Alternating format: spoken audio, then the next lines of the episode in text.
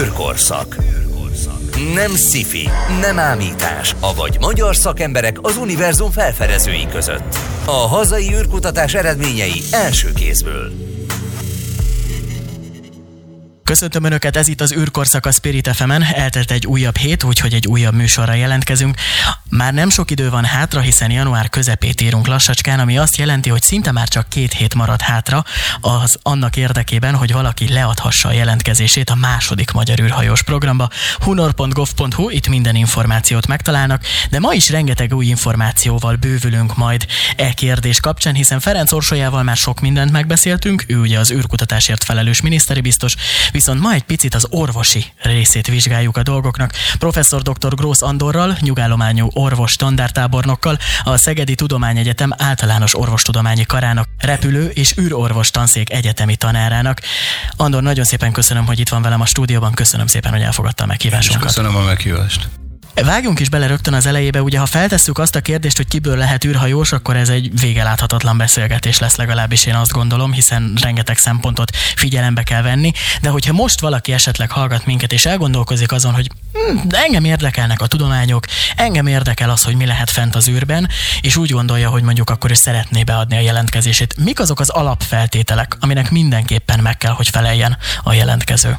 Mielőtt erre válaszolnék, szeretnék egy pillanatnyi visszatekintést nyújtani az elmúlt évek űrkutatási gyakorlatára, illetve ezen belül is a kiválogatásra. Néhány évtizeddel ezelőtt bizonyos keményebb feltételeknek meg kellett felelni annak az embernek, aki űrhajósnak jelentkezett ez mind orvosi, mind pszichológiai szempontból nagyon kemény követelmények voltak.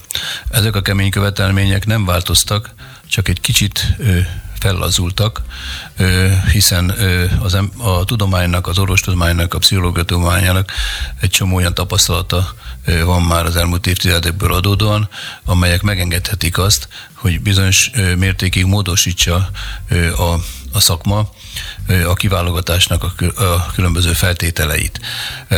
Ma már és nem csak ez az indok, hanem az is, hogy olyan feladatokat kell az űrben az embernek elvégezni, amelyek komoly szakmai tudást követelnek, és hát nem mindenki vadászpilóta egészséggel rendelkezik azon szakemberek közül, akiknek bizony ott lenne helyük fönt az űrbe, hogy az, az űrben a, a legforróbb, idézelve vett legforróbb helyen végezzék el azokat a kutatásokat, amelyek az űrtudomány számára mindenképpen fontos, de nem csak az űrtudomány számára, hanem a földi különböző tudomány területek számára kiemelkedően fontosak.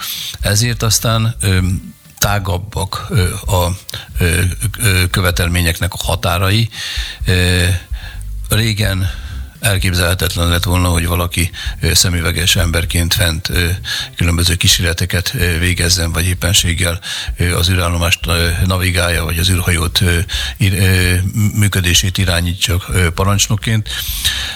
Mai nappal a, ezek a követelmények éppen ezért módosultak, mert szükség van olyan szakemberekre, akik nem vadászpilóta egészséggel vagy űrhajós egészséggel rendelkeznek a régi kautélák alapján, és a mindennapi gyakorlat, az elmúlt évek mindennapi gyakorlata bemutat, megmutatta azt, hogy így is teljesíthetők ezek a feladatok, az ember így is tudja abszolválni az űr támasztotta követelmények mellett azt a munkát, amire felkérték, amire megkapta a mandátumot.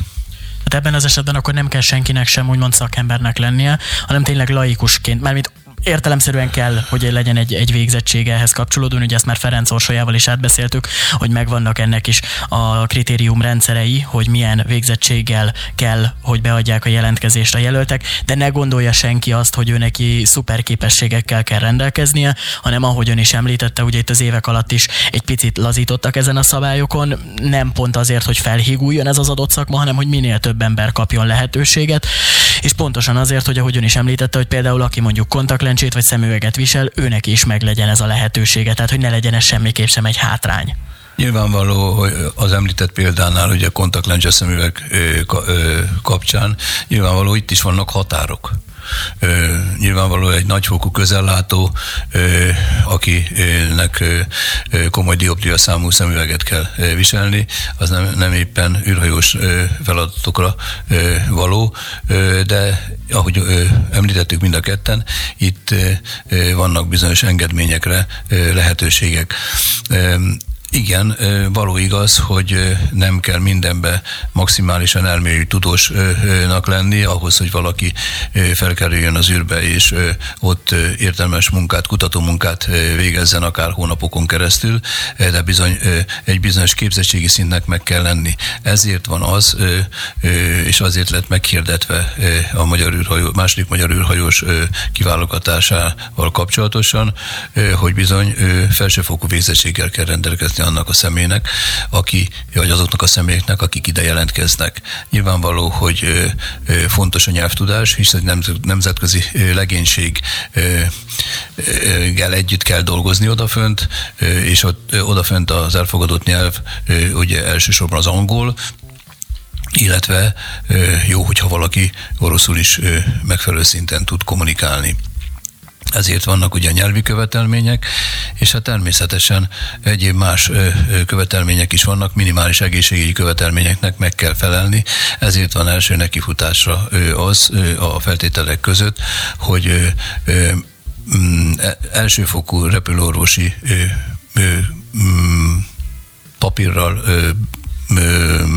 minősítéssel rendelkezzen valaki. Nyilvánvaló, hogy erre is megvannak a lehetőségek Magyarországon minden jelentkező számára, hogy beszerezzék ezeket az igazolásokat, orvosi igazolásokat. Nyilvánvaló, hogy ez egy elsődleges orvosi vizsgálat és elsődleges orvosi papír, amivel rendelkezni kell, ez gyakorlatilag a benevezéshez szükséges.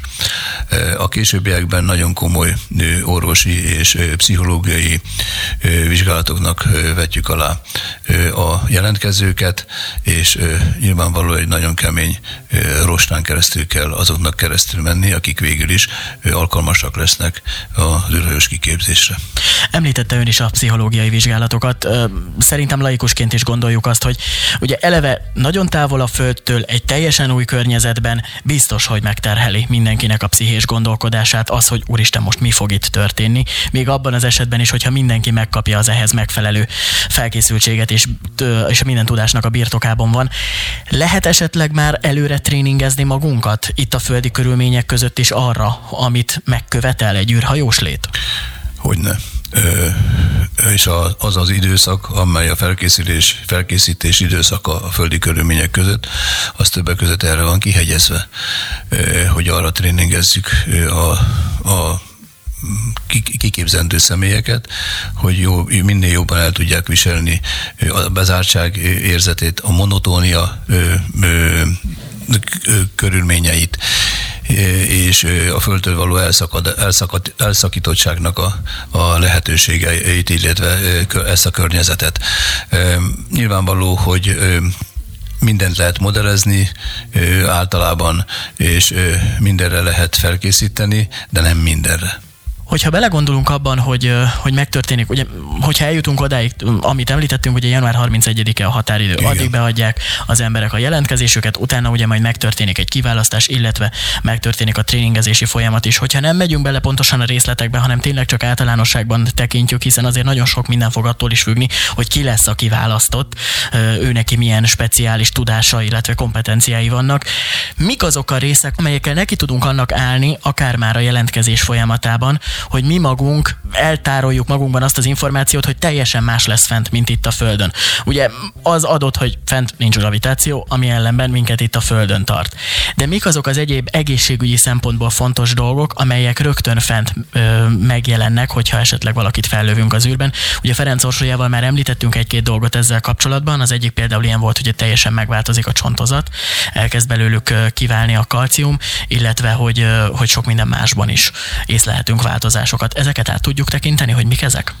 Igen. Nyilvánvaló, hogy az alaptétel az, hogy egészségesnek kell lenni, még akkor is, hogyha ugye nem szuper egészségről van szó, de az át, legalább átlagos egészségi embernek kell lenni, vagy annál egy kicsit jobb színvonalúnak. Erre ugye az alaptétel az, hogy az, ez az alaptétel. Mi, ehhez minden hozzájárul, hogy jó, jónak kell lenni a vérkeringésnek, jónak kell lenni a légzés funkcióknak, jó, jónak kell lenni az anyagcserének, a szenzoros, tehát az érzékelő szerveknek megfelelőképpen kell működniük már itt, hisz számos olyan dolog van a, a, az űrbeni tevékenységnél, amely előre tudottan megnehezíti az ember mindennapos egészségi állapotát, minden, mindennapos pszichés állapotát. Ön is említette a a, a, az izomrendszernek, a csontrendszernek a problémáját, hisz a súlytalanság körülményei között bizony elég nagy mennyiségű kalcium és egyéb elemek kerülnek ki a csontból, és ezáltal gyengül a csontnak a, a struktúrája. Nyilvánvaló, hogy nem visszafordíthatatlan, mint a, a sok éves űrben szedett tapasztalatok mutatják, hogy ezek a dolgok reverz, reverz, reverzibilisek, tehát nem irreverzibilisek, nem visszafordíthatatlanok, de bizony igénybe veszik az emberi szervezet. Ugyanez vonatkozik az izomzatra is, mint egy 15-20 százaléka egyes esetekben atrofizálódik, az izomzatnak, gyengül az izomzat, ami alapvető fontosságú egyébként az egészsége ennek a, a szervrendszerünknek ö, az űrbeni tevékenységnél is. Ezek a változások, ahogy mondtam, visszafordíthatóak a földre való visszatérés után, illetve vannak olyan lehetőségek, amelyek ö, ö, lehetővé teszik azt, hogy a, az űrbeni ö, munka, az űrbeni ö, különböző feladatvégrehajtások ö, során vagy mellett az ember állandóan fitnek a lehetőséghez képest fit állapotba tartsa magát minden szempontból, ezért vannak fönt azok az eszközök, amelyek ismertek számunkra itt a földi körülmények között is, tehát a futópad, a kerékpárergométer, a különböző erősítőszerek, mármint eszközök, amelyek minden, mindennapos használatával, vagy nagyon rendszeres és nagyon gyakori használatával az űrhajósok meg tudják hosszú távon is őrizni a fitségüket és a munkaképességüket az űrben. Gondolom előre is történik egy trenírozás már itt lent, de akkor fent is követni Hogy kell ezeket a szabályokat, és akkor mondjuk fent is be van építve egy astronautának a mindennapjába, hogy ő reggel 7 és 8 óra között mondjuk egy órát szobabicikliznie kell fent adott esetben a nemzetközi űrállomáson. Ez így van, földi körülmények között is többek között ezek az általam előbb említett eszközök rendelkezésre állnak, és nyilvánvaló, hogy nagy mértékben támaszkodnak rá azok, akiket kiképeznek, és azok, akik kiképezik ezeket az embereket a majdani űr, űrutazásra. Másrészt vannak olyan speciális módszerek és eszközök, mint például a barokamra, barokamra az alacsony nyomású barokamra, vagy éppen éppenséggel a, egy nagy erre a célra léte, létesített vízeltelt medencében, ahol a súlytalanságot legjobban lehet modellezni földi körülmények között, vagy éppen a centrifuga edzések, amelyek lehetővé lehetővé teszik azt, hogy a, hozzá edződjön az ember a gyorsulás különböző viszontagságaihoz, illetve a gyorsulás emberi szervezetre való nagyon erőteljes hatásának a hatásához, illetve hogy ki tudja védeni ebből a hatásból adódó esetleges negatív tendenciákat. Talán jól, jó példa az is, amit mi már az adás előtt pont beszéltünk, hogy ugye abban az esetben, amikor megtörténik a kilövés, akkor hát a fizikális hatások miatt. Ugye a vérnek a legnagyobb része az az alsó végtagokban összpontosul, és ugye ezáltal az agyban kevesebb lesz az oxigén, és ugye kevesebb a vér, kevesebb az oxigén, tehát mondjuk hosszabb reakcióidővel kell számítani abban az esetben, ugye magát a gondolkodást is befolyásolja. Mi történik akkor, hogyha fölmegy az astronauta, és bármiféle fajta problémája van? Tehát ugye azt látjuk, hogy tudós emberek fognak felmenni, legalábbis már a kiírás szerint tudós emberek lesznek fönn, de nem biztos, hogy, hogy orvosok száz százalékig. Mi történik akkor, ha bárkinek problémája adódna fent az űrben? Hát először is a kiképzés során, a földi kiképzés során azért a bizonyos alapvető egészségügyi problémák űrben való megoldására az oda készülőket felkészítik a földi szakemberek. Ez az egyik dolog, és ezt gyakorolják nyilvánvaló földi körülmények között is a majdani űrhajósok.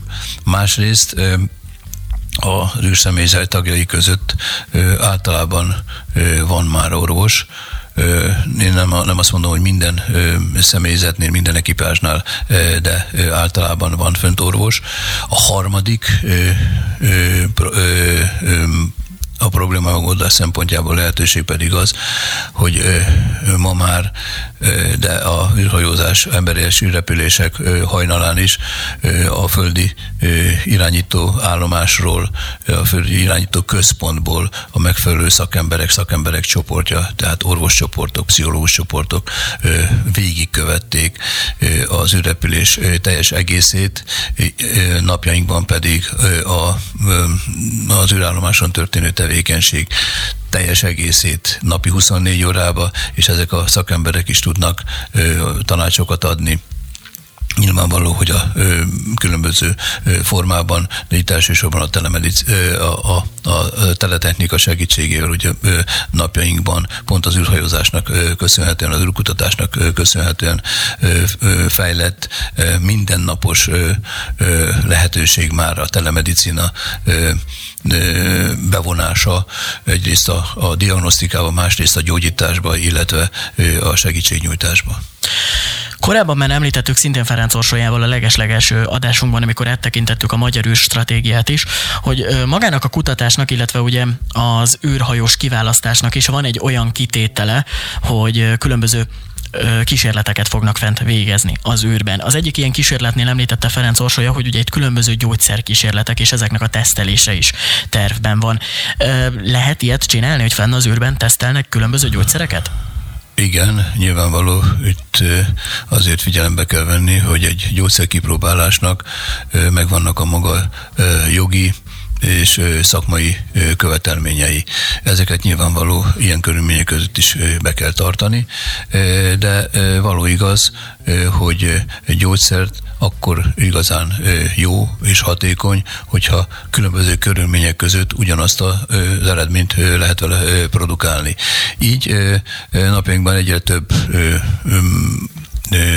űrexpedíció esetén próbálnak különböző szereket, különböző gyógyszereket ki, hogy miként reagál az emberi szervezet az űrkörülményei között. Azt azért meg kell jegyezni, hogy természetesen a földi körülmények között lévő hatás, az megegyezhet az űrbeni hatással, de ez egy teljesen más élettani, és ha úgy tetszik, akkor átvitt egy korreláttani környezet az űr, mint a egy, egygés gravitáció itt a Földön. Jó is, hogy említette a, a gés gravitációkat, mert pont erre szerettem volna egy picit visszakapcsolni még így általánosságban, hogy ugye odáig levezettük már nagyon sokszor, hogy január 31-ig megtörténik maga a jelentkezés, utána majd ugye történik egy kiválasztás és kiképzés. Hogyha nagyon részletekben nem is megyünk bele, hiszen ahogy említettem, hogy ez rengeteg mindentől függ, viszont általánosságban tekintjük, akkor mik azok a főbb kiképzési pontok, amelyeknél nagyon-nagyon számít az, hogy az ember milyen egészségügyi ö, szerve, a szervezete milyen egészségügyi állapotban állapotban van. Ugye pont az előbbön is említette, hogy itt különböző igen kemény, akár ugye itt a centrifuga kapcsán is, hogy rengeteg olyan eset van, amikor tényleg fizikálisan, nem csak agyban, pszichikailag, hanem fizikálisan is ott kell lennie az illetőnek. Ez így van, az utol, utolsó mondatához kapcsolódnék, és aztán utána visszatérnék a, a feltett kérdésre, hogy azért az űrben ugye a megváltozott földtől elrugasztogatott körülményekben óriási olyan különbségek vannak bizonyos hatások és hatásmechanizmusokban, mint a földitől teljesen más a gravitációs környezet, a, a, a túlterhelések okozta problémák, a zaj vibráció kérdése, a meg, megváltozott ugye fényviszonyok, amelyek bizonyos mértékig különböző helyzetekben és időszakokban teljesen mások, mint földi, földi körülmények között. A nappalok és az éjszakáknak a, a gyors váltakozása, ugye a földkörüli orbitális pályán való keringés idején és esetében, és sorolhatnám mindazt, ami, ami megnehezíti az embernek a mindennapos létét az emberi szervezetre. Millió egy olyan faktor hat az űrben, ami föld földi körülmények között nem teljesen úgy, vagy egyáltalán nem hat.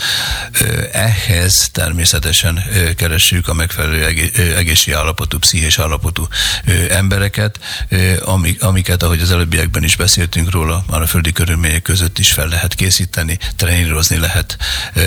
A kivál, ugye, és akkor a kérdéshez visszatérve, az eredeti kérdéshez visszatérve, az első pillanattól kezdve azt keresünk, hogy az illető egészségese, gyakorlati szempontból egészségese, hogy minden szervrendszere, amely az, a, a, az, az emberi szervezetnek az egészét, egészének a, a, a normális működését biztosítja megfelelője.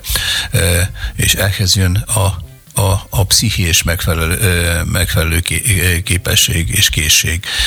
Ezt vizsgáljuk az első pillanattól kezdve végig a kiválogatás folyamán, és nem csak a kiválogatás folyamán, hanem ezt követjük a, a kiválogatottak kiképzése során, földi kiképzése során is, sőt tovább megyek, ezt vizsgáljuk a, a fölbocsátás, az űrhajó fölbocsátása után, amikor az ember vagy a mi emberünk fönt van az űrben nap mint nap, percről percre az orvosi ellenőrzés megy, a pszichológiai ellenőrzés megy, hogy milyen mentális állapotban van az illető, milyen élettani állapotban van egyik, egyik óráról a másikra, egyik napról a másikra, és ez a nyomonkövetés megy tovább megyek, a földre való visszatérés után is, hisz ezt az embert, aki ott megfordul, azt a normális földi élethez minden szempontból vissza kell, földi életre vissza kell éleszteni. Tehát rehabilitálni kell azokból az elváltozásokból, amikről az előbbiekben is beszéltünk, és még számos ilyen probléma van, és nem csak élettanilag kell, hanem pszichésen is egy egy évet, fél évet a földi körülmények között pszichésen is kiszakított embert, bármilyen ö, szoros kapcsolatban vagyunk most már a technika segítségével ö, az űrállomáson tevékenykedőkkel, vagy az űrhajókban ö, lévőkkel, ö, bizony ö, akkor is, hogy megváltozott pszicho, pszichés környezetben ö, vannak, és ezt meg kell szokni. Ö, az egyik ember hamarabb, a másik ember ö, ö, ö, ö, hosszabb ideig ö, rehabilitálódik ebből a szempontból is. Ö, ez egy kül, a, ennek a tudomány tudománynak, és a mi tudományunkon belül is, az orvostudományon belül is, és a pszichológia tudományon belül is, ez egy nagyon komoly feladat, aminek, és, és nagyon komoly módszereket kell alkalmazni arra vonatkozólag, hogy az, az illető vissza tudjon térni abban normális földi életkerékvágásba, amelyből kiragadtak, kiragadtuk. Én remélem, hogy minél hamarabb meg lesz az a személy, aki majd minket tud képviselni az űrben, nem is olyan sokára. Ugye, ha minden igaz, akkor 2024-ben majd megtörténik a fellövés is, ezt már korábban Ferenc Orsolyával megbeszéltük. Én nagyon-nagyon szépen köszönöm ezt a rengeteg információt, amit ma megtudtunk. Én remélem, hogy tudtunk azoknak segíteni, akik még egy picit vaciláltak azzal kapcsolatban, hogy beadják, ne adják a jelentkezésüket, és pozitív irányban történt ez a jelentkezés befolyásolásában. Nagyon szépen köszönöm professzor dr. Grósz Andornak, nyugállományú orvos dandártábornoknak, a Szegedi Tudományegyetem általános orvostudományi karának, repülő és űrorvosi tanszék egyetemi tanárának, hogy itt volt ma velünk, és mindezt a sok információt megtudhattuk. Én is köszönöm, hogy itt lehettem. Ez volt már az űrkorszak itt a Spirit fm -en. Köszönöm szépen, hogy önök is velünk tartottak. Ne felejtjék, egy hét múlva újra várjuk önöket egy újabb izgalmas területtel. Az elmúlt percekben Vince Bencét hallották. Spirit FM 92.9 A nagyváros hangja